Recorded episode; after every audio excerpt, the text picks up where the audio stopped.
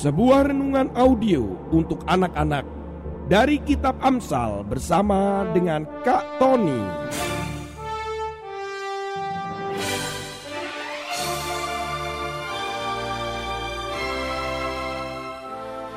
Audio inspiring message for kids. Selamat menikmati dan mendengarkan.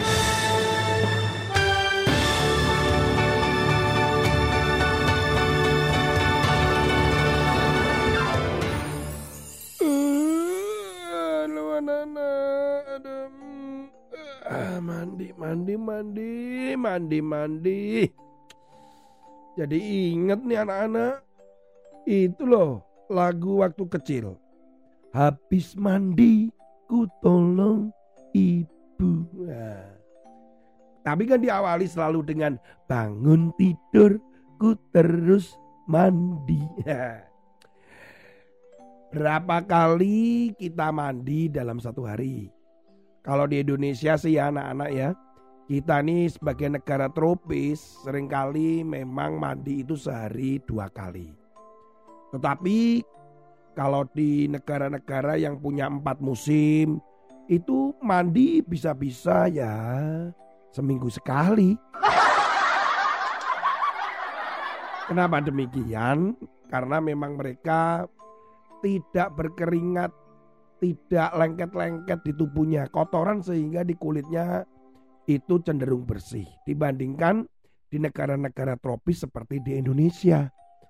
Karena udaranya lembab, kemudian debunya berterbangan bisa mudah menempel di kulit. Oleh karena itu perlu mandi. Kalau kalian tidak pernah mandi, aduh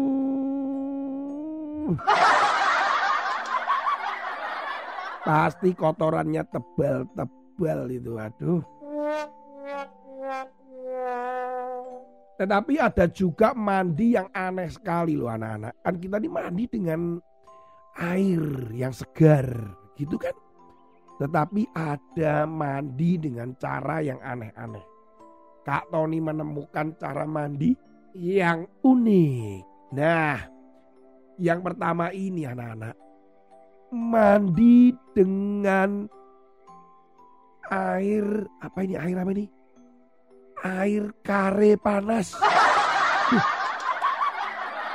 Air kare itu kan biasanya kan malah diminum atau aduh di, dibuat makanan. Contoh nih, rasa ayam kare. Oh atau daging kare begitu. Ini kok malah mandi dengan air kare panas.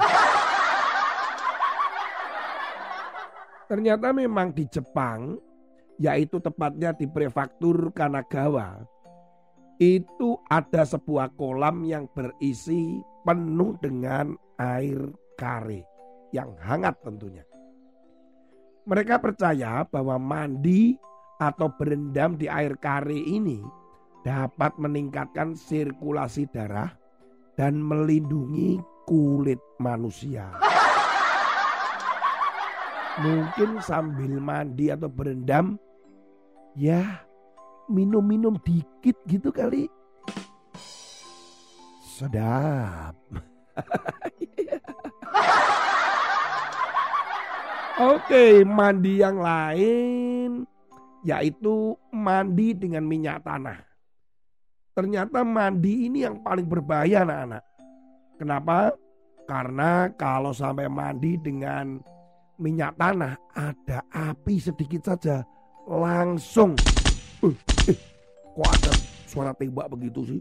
Bukan, maksudnya kalau ada api saja bisa langsung terbakar. Tetapi ternyata di kota Naftalan Azerbaijan itu ada loh anak-anak mandi atau berendam dengan minyak tanah. Jenis minyak untuk mandi ini adalah minyak tanah yang banyak mengandung belerang. Dan mereka percaya sangat efektif untuk terapi penyakit kulit. Wah, ada-ada. Ada juga mandi dengan lumpur hitam. Wah ini mandi ini dilakukan di Daying County Provinsi Sichuan, Cina.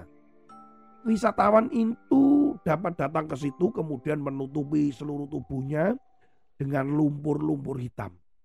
Nah kemudian para wisatawan bisa bersantai dan merawat diri.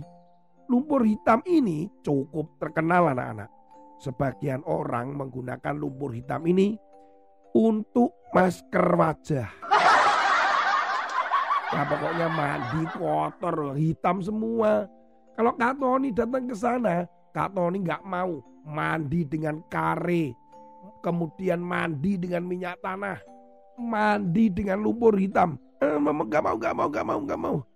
Apa-apaan itu? Itu kan yang masih dijauhi ya anak-anak ya. Kita tuh mandi tuh pengen bersih malah kotor semua.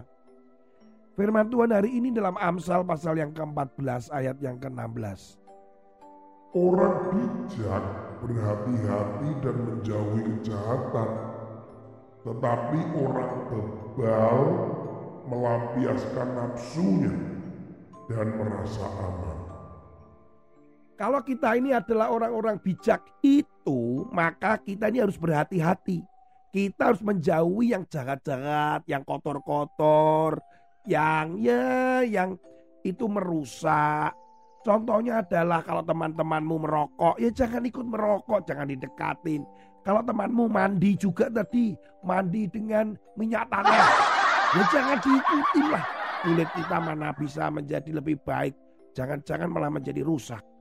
Kalau teman-temanmu melakukan sesuatu yang itu adalah jahat, ya jangan diikuti. Apalagi ikut melakukan terus-menerus. Contoh yang lain, nonton film porno misalkan. Weh, kalian jangan ikuti, jangan ikut nonton. Karena apa? Mereka-mereka itu, teman-temanmu atau orang lain, melampiaskan nafsunya itu.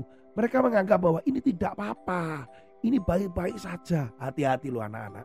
Hati-hati sekali. Hari-hari ini dunia itu begitu jahat sekali.